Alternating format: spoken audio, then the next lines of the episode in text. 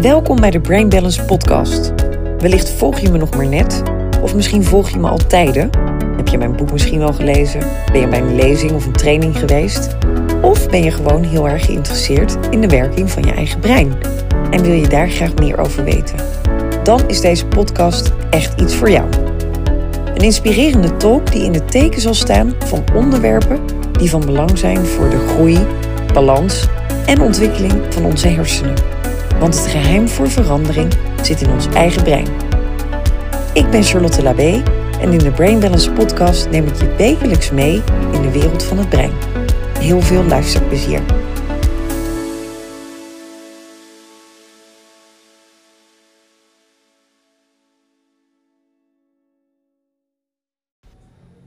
Wat super leuk dat jij er weer bij bent vandaag met deze nieuwe podcast. We gaan het vandaag hebben over de werking van social media, de mobiele telefoon op onze hersenen. Ik ben heel erg benieuwd hoe staat het met jouw social media verslaving of automatisme dat je je telefoon pakt zonder dat je eigenlijk echt een doel ermee hebt. Nou, ik herken het wel bij mezelf. Dat gebeurt uh, regelmatig en ik ben me daar heel erg bewust van. En um, ik betrap mezelf er ook regelmatig op dat ik echt wel eens een keer automatisch die telefoon pak en bepaalde apps open, zoals bijvoorbeeld Instagram, LinkedIn, maar ook uh, mijn e-mail op de telefoon. En dat ik me dan afvraag, waarom doe ik dit nou eigenlijk? Nou, dat wordt dus breintechnisch aangestuurd. En dat is best wel heel erg interessant, want steeds meer mensen hebben te maken met een social media verslaving. Steeds meer mensen klagen erover dat die telefoon zoveel momenten in hun leven overneemt. Jongere generaties, maar ook oudere generaties. En misschien hebben jullie al wel artikelen gelezen, video's gezien over hoe erg het momenteel gesteld is met de jongere generaties die zelfs nachts om twee uur nog aan het WhatsAppen zijn, social media aan het checken zijn. En um, ja, daardoor eigenlijk totale disbalans ervaren. Ik sprak laatst een, uh, een meisje van, uh, van 15, een, jonge, uh, ja, een jong volwassene.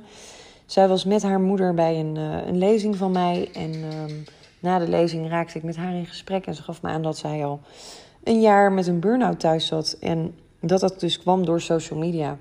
Verder was haar leven hartstikke leuk. Maar de totale disbalans van de heel veel groepsapps waarvan er verwacht wordt dat je altijd maar reageert, kostte haar uiteindelijk de tol. En dan ben je zo ontzettend jong en dan denk ik, jeetje, op die leeftijd al een burn-out. Dus ik denk dat dit een hot topic is, wat voor veel mensen um, herkenbaar is. Of niet voor jezelf is, maar misschien voor je omgeving. Um, want niet alleen de jeugd wordt erdoor beïnvloed, ook volwassenen. Ongeacht de leeftijd speelt dit dus een rol. Hoe kan het nou zo zijn dat social media in de afgelopen jaren zo enorm verslavend is geworden dat er zelfs social media verslavingsklinieken zijn? Nou, dit start dus allemaal bij de programmatie van je hersenen. Je hersenen sturen erop aan. Door bepaalde neurotransmitters en hormonen blijven we ook bepaald gedrag herhalen. Nou, daar gaan we het vandaag uh, uitgebreid over hebben. Want als je nou eens teruggaat in de tijd, en ik, ken, misschien kennen jullie dat filmpje ook nog wel, 1995 werd er een enquête gehouden op straat. En dan werd er gewoon aan uh, ja, voorbijgangers gevraagd: wat je ervan vinden als jij een mobiele telefoon hebt? En daar werd gewoon massaal negatief op gereageerd. Mensen hadden daar totaal geen behoefte aan, hadden daar geen zin in.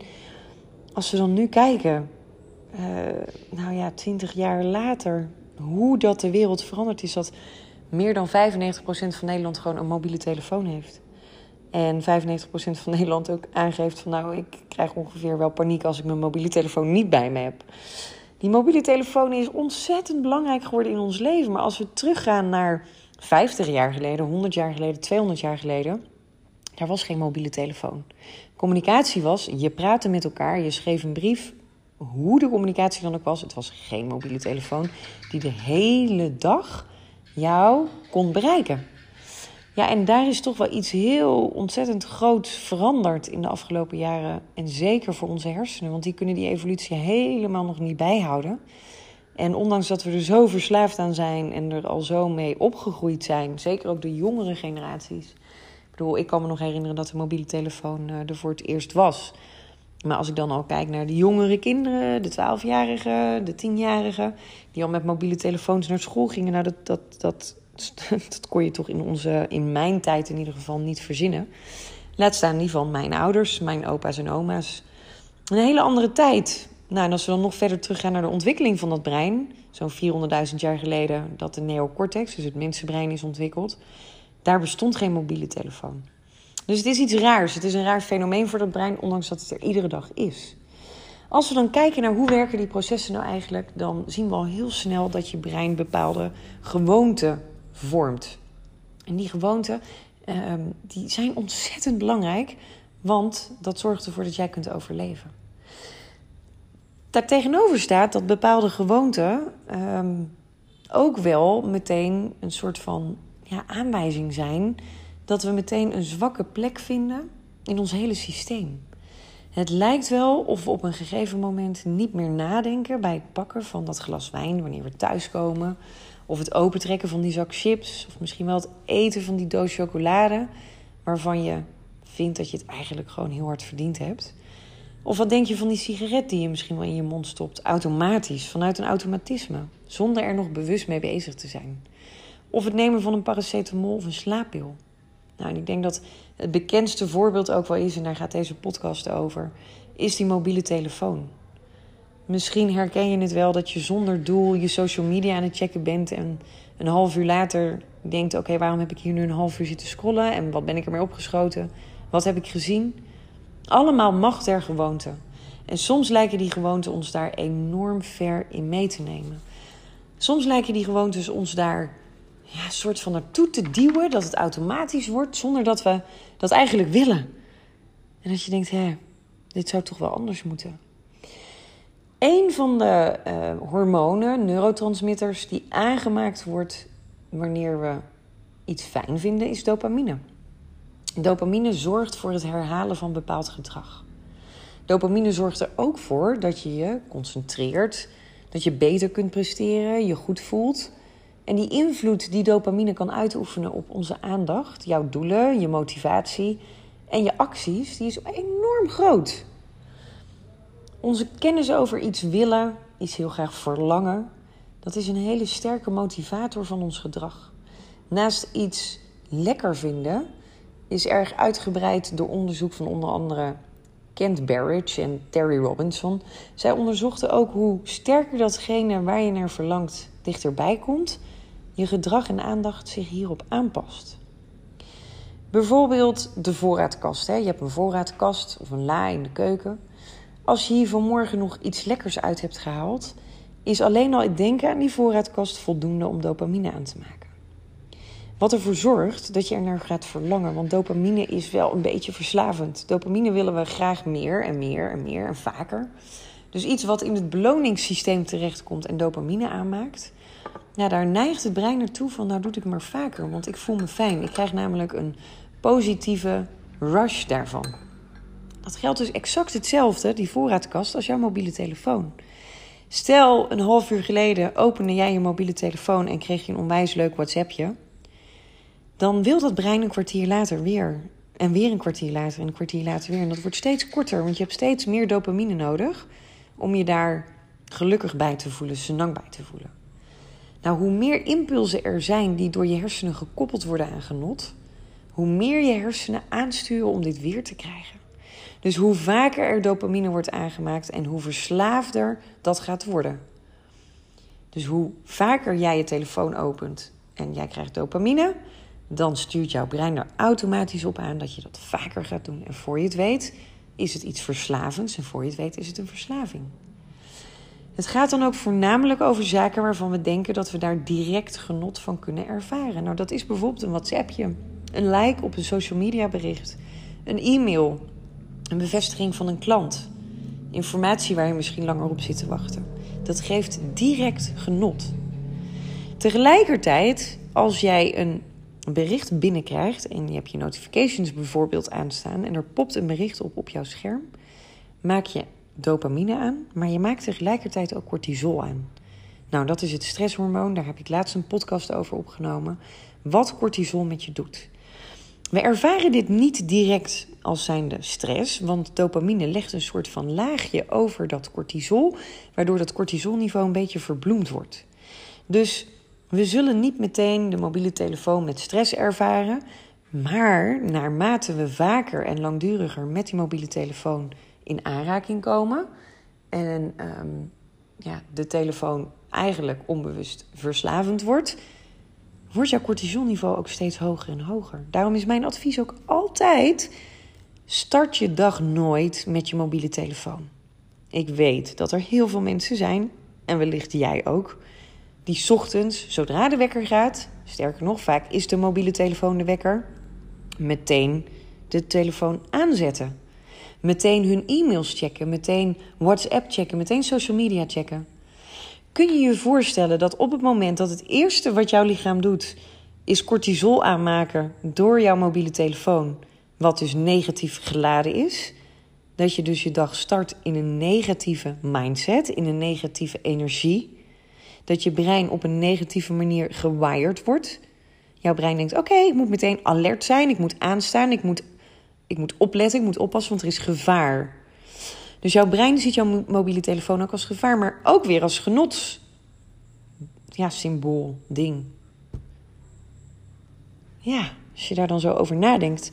Wellicht als je dit dan zo hoort, dat je denkt: jeetje, hoe tegenstrijdig dat dan dat brein, hetzelfde brein, eigenlijk twee dezelfde dingen doet die lijnrecht tegenover elkaar staan. En mij alle twee niet heel erg ten goede komt. Dus Facebook checken, maar ook alcohol drinken, appen, ehm, jouw snelle to-do-lists afwerken, fastfood eten, roken, seks met de sportleraar, weet ik veel, of je collega, flirten op de werkvloer, gamen, heel vaak nieuwe spullen kopen, suikers eten, bewerkt voedsel eten, slaappillen blijven slikken, verslaafd zijn aan paracetamol, verslaafd zijn aan sporten. Al die handelingen die ons echt genot bezorgen, kunnen ervoor zorgen dat je in een verslaving terechtkomt. Voor korte perioden, ja, hè, dan is het prima, is het nog niet schadelijk. Voor een langdurige periode, nee, dan is dat niet oké. Alleen dat doet er al voor dat je hersenen um, in die verslaving terechtkomen. En als we op dat moment maar aangezet worden tot eten, seks hebben, je status verhogen en kopen, alles staat hierbij in het teken van voortplanten en overleven. Maar al die dingen die we aantrekkelijk vinden en die ons genot beloven, die jagen we na. Maar die hebben eigenlijk niks met ons overleven te maken. Want het is niet zo dat als jij social media checkt, dat jij een betere kans hebt om te overleven. Terwijl je brein daar wel op ingericht is. En we doen het niet één keer, we doen het niet twee keer, maar we blijven dit doen. En al die herhalingen van het gedrag tijdens dat jagen op zoek naar meer dopamines verandert letterlijk iets in onze hersenen. Het versterkt namelijk bepaalde neurale verbindingen, dus de pathways, de, de paden, die hersenweggetjes, en verzwakt de andere. En dit zorgt er al direct voor dat je bepaalde gewoontes ontwikkelt. Bijvoorbeeld, de voorraadkast wordt op die manier op de automatische piloot opengemaakt op het moment dat je de woonkamer inkomt of de keuken inkomt. Dat flesje wijn opentrekken mag ter gewoonte. En zeker als we met bepaalde vrienden zijn in een bepaalde sociale omgeving, drink je misschien wel meer bier of wijn dan je eigenlijk zou willen en waarvan je eigenlijk weet dat het is niet goed voor me. Zo werkt het dus met social media ook. Hoe vaker we hem openen, hoe vaker je het zult gaan doen. En toch neemt die macht der gewoonte van je over. En zo checken we te pas en te onpas onze social media. Why? Is het pure verveling? Wordt je brein op dat moment te weinig uitgedaagd en gaat het op zoek naar dopamine? Dat is een van de dingen die ik bij mezelf heb herkend. Ehm, en die herken ik dus ook meteen. Dat op het moment dat ik niet voldoende geprikkeld word, dus ik ben niet aandachtig en gefocust met iets bezig, ja, dan pak ik al heel snel mijn mobiele telefoon. Ergens is er dan dus ruimte in mijn brein dat hij zegt van, oh nou pak er nog maar iets bij, want dit is toch een beetje boring en uh, ik moet meer uh, geprikkeld worden. Is toch best wel heel erg gek. Ik merk het ook als ik bijvoorbeeld um, een boek lees of ik ben nu deze podcast aan het inspreken, dan heb ik totaal niet de trigger om mijn mobiele telefoon te pakken en social media te checken of mijn e-mail te gaan versturen of iemand een WhatsApp bericht te sturen of om ergens op te reageren. Totaal niet. Dus hoe sterker je met iets gefocust bezig bent, hoe meer uh, jij jouw neuroplasticiteit voor je laat werken, hoe minder die triggers er zullen zijn van social media en van je mobiele telefoon. Dus misschien zijn er wel heel veel gewoonten waarbij jouw brein op zoek gaat naar die gelukshormonen, in dit geval dopamine, um, Ik ben heel benieuwd. Misschien kunnen we een invuloefening met elkaar doen. Vul maar eens voor jezelf in. Ik heb deze gewoonte. Mijn gewoonte is. Puntje, puntje, puntje, puntje. Vul maar eens in. Pak maar eens pen en papier erbij. Wat is jouw gewoonte? Ieder mens heeft namelijk gewoonte, want dat is een overlevingsmechanisme van ons brein wat ontwikkeld is. Dus welke overlevingsgewoonte heb jij ontwikkeld? Wat doe jij iedere dag, keer op keer? Misschien wel meerdere malen per dag. Ik ben heel benieuwd. En weet je, het is heel logisch dat je hersenen alles aansturen vanuit gewoontes. Want zo zijn ze nou eenmaal ontwikkeld, gevormd. En ook dit heeft weer een biologische functie. Hè? Want als we alles bewust zouden moeten doen, dan kost het ons zo ontzettend veel energie. Als we overal over moeten nadenken, dan raak je uitgeput. Dan ben je om tien uur s ochtends helemaal uitgeput. En ben je met veel dingen te laat. Je kunt niet meer op tijd reageren. Als ik moet nadenken, als ik een straat oversteek en er komt heel snel een scooter aanrennen. En ik moet even eerst gaan nadenken, bewust. Wat zal ik hiermee doen? Ja, dan heeft die scooter mij al geraakt. Nee, maar een onbewuste proces moet daarop reageren. Dus dat moet heel snel gebeuren. Die gewoonten zijn dus heel belangrijk. Maar sommige gewoonten zou het misschien beter zijn om ze aan te gaan passen. Om je een idee te geven, als we te weinig dopamine aanmaken, dan voel je je lusteloos en is je totale drive weg. Misschien voel je je depressief, zwaar op de hand. Bij toename van dopamine ga je je juist meer focussen en ga je je ook beter voelen. Maar er is een grens wanneer dopamine te veel kan worden. En wanneer er dopamine te veel wordt aangemaakt, voel je je gestrest en geïrriteerd. En word je uiteindelijk uitgeput, vermoeid, een kort lontje en ben je helemaal jezelf niet meer. Nou, we hebben heel veel verschillende onderdelen in ons brein. We hebben er al een aantal eh, voorbij horen komen. Dit is een onderdeel wat ik nu ga benoemen, wat ik nog niet eerder heb genoemd, maar wat heel sterk in het proces wordt ingezet om um, aan te sturen naar bepaalde verlangens. En dat heet het striatum. En in dat striatum wordt bepaald welke handelingen je inzet om bepaalde doelen te gaan behalen.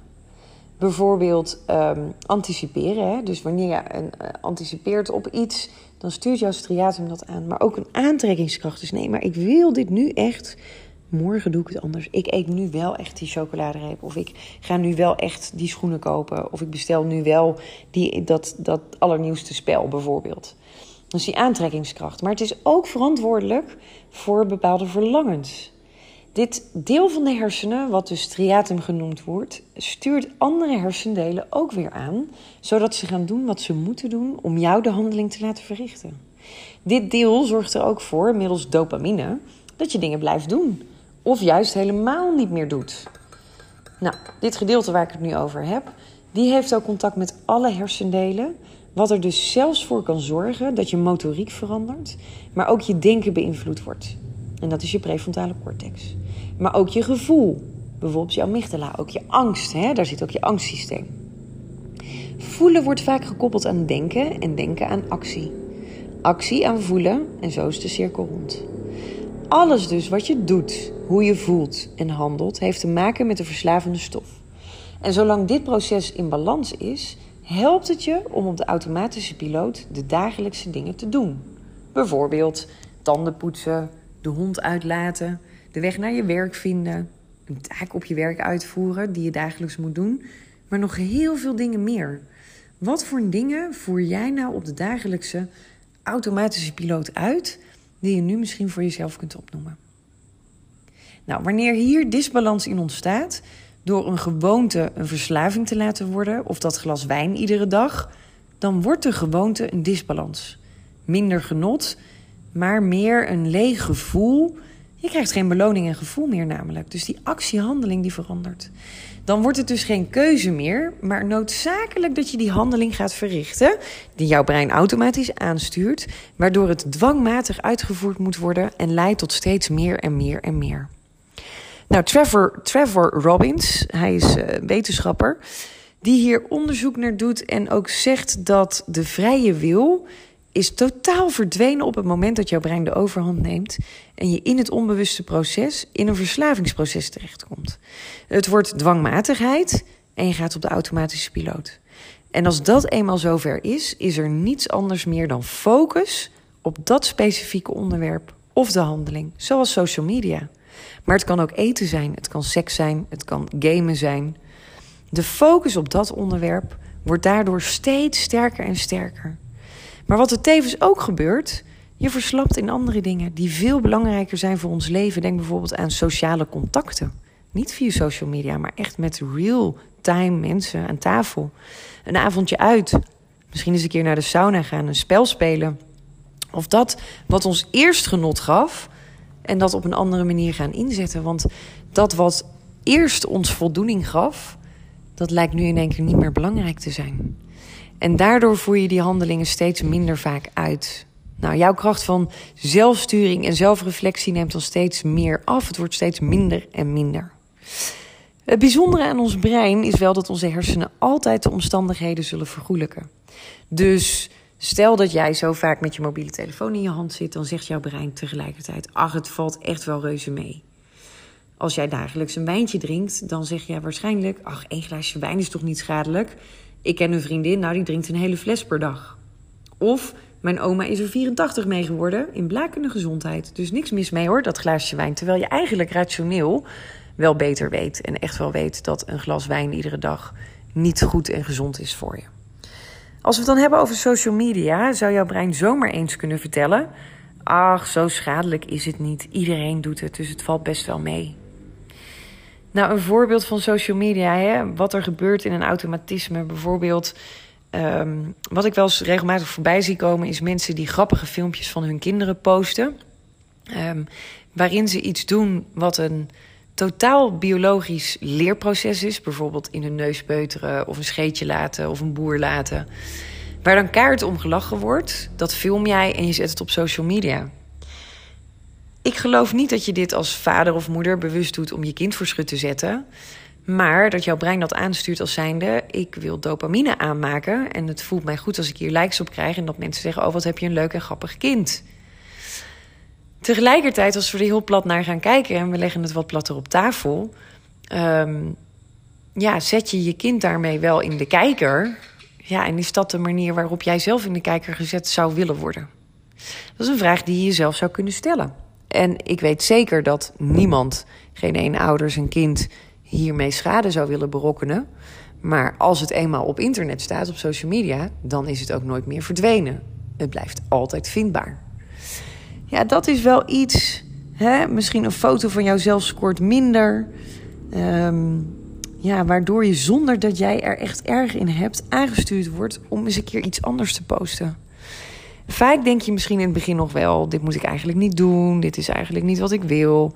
En al heel snel komt het er vanuit je hersenen aangestuurd op aan. Die zegt: joh, vandaag kan het nog wel, morgen doen we het anders. Ergens zegt er misschien wel een stemmetje in jouw hoofd: als ik hier zo mee door blijf gaan, leidt het uiteindelijk tot problemen. En dit is echt niet wat ik wil. Dit kan ik toch beter niet doen? Nou, let op het woordje toch.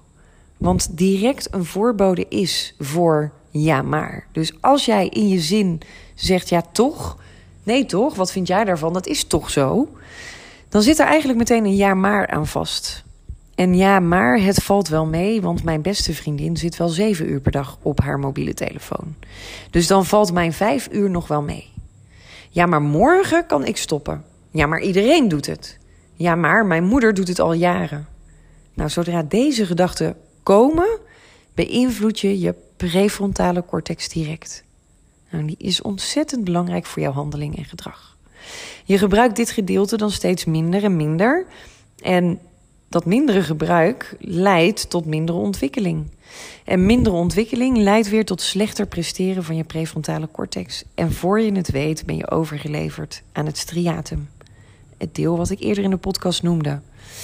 En voor je het weet, beïnvloedt die al jouw gedachten, maar ook jouw fysieke en emotionele processen. Want die stuurt die tevens ook nog eens aan. Onderzoeken laten gelukkig wel zien dat na een langere onthouding van de verslaving onze hersenen ook weer kunnen ontwikkelen. Dus de grijze massa neemt ook weer toe. De verbindingen komen langzaam weer op gang, die kunnen weer gemaakt worden en processen en functies van de prefrontale cortex die worden weer hersteld en worden weer op gang gebracht. Echter, er zijn nog heel veel onderzoeken gaande naar dit proces. En eigenlijk is er nog heel weinig over bekend. Maar wat we wel weten is dat het brein neuroplastisch is en zichzelf kan herstellen. Um, Verslavingen zoals social media verslavingen kun je niet scharen onder genetisch beïnvloede verslavingen, maar puur door de blootstelling aan iets, iets wat vaak voorkomt en iets wat wellicht helemaal nieuw is voor dat brein, waardoor het juist interessanter is. En hoe vaker je deze handeling herhaalt, hoe sterker de conditionering op dat specifieke onderwerp zal zijn, waardoor je dus ook makkelijker wordt in excuses verzinnen voor de handeling die jij toont. Want ons brein is supergoed in excuses verzinnen. Nee, maar ik doe dit, want ik moet het doen voor mijn werk. Nee, ik moet nu nog heel even iets checken. Nee, dit is echt belangrijk. Ik moet nu even dat berichtje sturen. Nee, ik heb. Nou ja, en zo gaan we door. Belangrijk is wel om te weten dat een verslavende handeling dus ook steeds beter maakt in excuses verzinnen. Tegen jezelf, maar ook tegen anderen. Het verandert namelijk jouw leven, maar ook jou als mens. Nou, wellicht na het horen van al deze informatie denk je, nou dat gaat mooi mij voorbij. Ik heb daar geen last van. Ik heb geen last van social media en de telefoon. Maar misschien is het bij jou wel op een heel ander vlak. Misschien zit het wel bij jou in het altijd op tijd ergens zijn. Misschien zit het bij jou wel in voeding. Te veel, te weinig, te gezond. Wellicht is het drank. Misschien is het uh, sporten. Misschien is het uh, gezond eten, werk. Meer geld, meer macht, meer status. Wellicht wil jij meer, meer kopen. Meer gamen? Nou ja, vul jij het maar eens voor jezelf in. Ik denk dat we het allemaal wel herkennen. Misschien voel jij je ook wel ergens iets of een soort van onvrede bij iets wat je najaagt. Wat geen tevredenheid of direct geluk oplevert. Misschien wel direct geluk, maar niet op de langere termijn. Heb jij dan alles zelf nog in de hand, kun je je afvragen? afvragen? Of speelt hier de conditionering van jouw hersenen zo nu en dan een grote rol? Ben jij een dopamine junkie? Nou, ik kan je vertellen, in zekere zin zijn we dat allemaal. En is ieder brein dat? En in de wereld waar alles maar 24/7 beschikbaar is en we aan alle kanten geprikkeld worden, is het ook heel lastig om niet met een overkill van dopamine in aanraking te komen. Mocht je nu het idee hebben dat je te maken hebt met een social media verslaving, of wellicht een gameverslaving of een mijnverslaving, onthoud dan het volgende. Jij bent niet de enige die hiermee rondloopt. Heel veel mensen lopen hiermee rond. En ook al ben je verslaafd, dat betekent niet dat je altijd verslaafd hoeft te blijven. Ik heb een aantal tips om je telefoon wat vaker weg te leggen. Telefoon in een andere kamer, dat werkt voor mij ontzettend fijn. Niet in de slaapkamer. Ik laat mijn telefoon altijd beneden s'avonds, zodat ik ochtends ook niet getriggerd word om op de automatische piloot toch een keer die mobiele telefoon te pakken. Tijdens het eten wordt er bij ons niet met de mobiele telefoon gezeten. S'avonds vanaf het avondeten tot een uur of acht is er uh, geen ruimte voor de telefoon. En dan na negen uur gaan de telefoons ook weer weg. Zet je notifications uit, want die triggeren meteen cortisol. Je wordt afgeleid en je wordt uit je werk gehaald of uit de dingen die jij wel echt belangrijk vindt en prioriteit vindt. Zet je schermtijd eens aan. Kijk eens hoe lang jij op social media zit. En hou dat eens een keer bij voor jezelf. Probeer eens de dag daarna een kwartier minder te doen, of een half uur minder te doen, of een uur minder te doen. Daag jezelf uit. Gamification is voor je brein ontzettend interessant. En je wil graag de dag daarna het veel beter doen dan de dag ervoor. Plan eens één telefoonloze dag per week, of start per maand. En één keer in het kwartaal een social media detox. Nou, mensen die mij misschien al wat langer volgen, die hebben dat al voorbij zien komen. Ik eh, plan één keer in de zoveel tijd een social media detox. Dan uh, ben ik gewoon een week lekker offline. En ik vind dat heerlijk. Ontzettend fijn om dat zo te doen. Nou, zou jij dit proces nou nader willen onderzoeken? Of wellicht de conditionering van jouw brein willen aanpassen? Wil jij je misschien meer over leren, over weten? Tijdens mijn lezingen en ook het allernieuwste halfjaar- en jaarprogramma kun jij jezelf en je hersenen gaan trainen. Want Iedereen kan zijn brein veranderen. Ook op het gebied van de mobiele telefoon en op het gebied van social media. Nou, ontzettend leuk dat jullie weer geluisterd hebben. Ik zie dat ik alweer uh, over de tijd ben met kletsen. Er is ook altijd zoveel te vertellen. Wat ik onwijs leuk vind, en ik wil jou daar een uh, compliment voor geven, is dat, uh, ja, misschien ben jij het wel, misschien is het, zijn het andere mensen, dat maakt helemaal niet uit, maar dat ik zoveel leuke reacties krijg op de podcast. En ook ideeën over onderwerpen onwijs leuk om feedback te krijgen. Want ja, een podcast spreek je nou gewoon in je eentje in. is anders dan een lezing of een training. Dus je krijgt weinig feedback. Maar door iedereen die mij volgt op social media krijg ik toch lekker feedback. En dat vind ik ontzettend leuk. is ook een stukje dopamine uh, aanmaakt, wat je dan doet in je brein. Dus ehm, dank daarvoor. En ik zie jullie, of ik, nou ja, jullie kunnen volgende week weer luisteren naar een nieuwe podcast. Bedankt voor het luisteren. Bedankt voor het luisteren naar deze Brain Balance podcast. Dit was het alweer voor deze week. Onwijs leuk dat jij erbij was. Komende week heb ik weer een nieuwe podcast voor je klaarstaan. Met daarin weer een nieuw Brain Balance onderwerp. En uh, mocht jij het nu leuk vinden, dan kun je natuurlijk deze podcast met alle mensen om jou heen delen. Die net als jij wil groeien, ontwikkelen, meer uit het leven wil halen. Of vooral veel breinkennis op wil doen. Tot volgende week.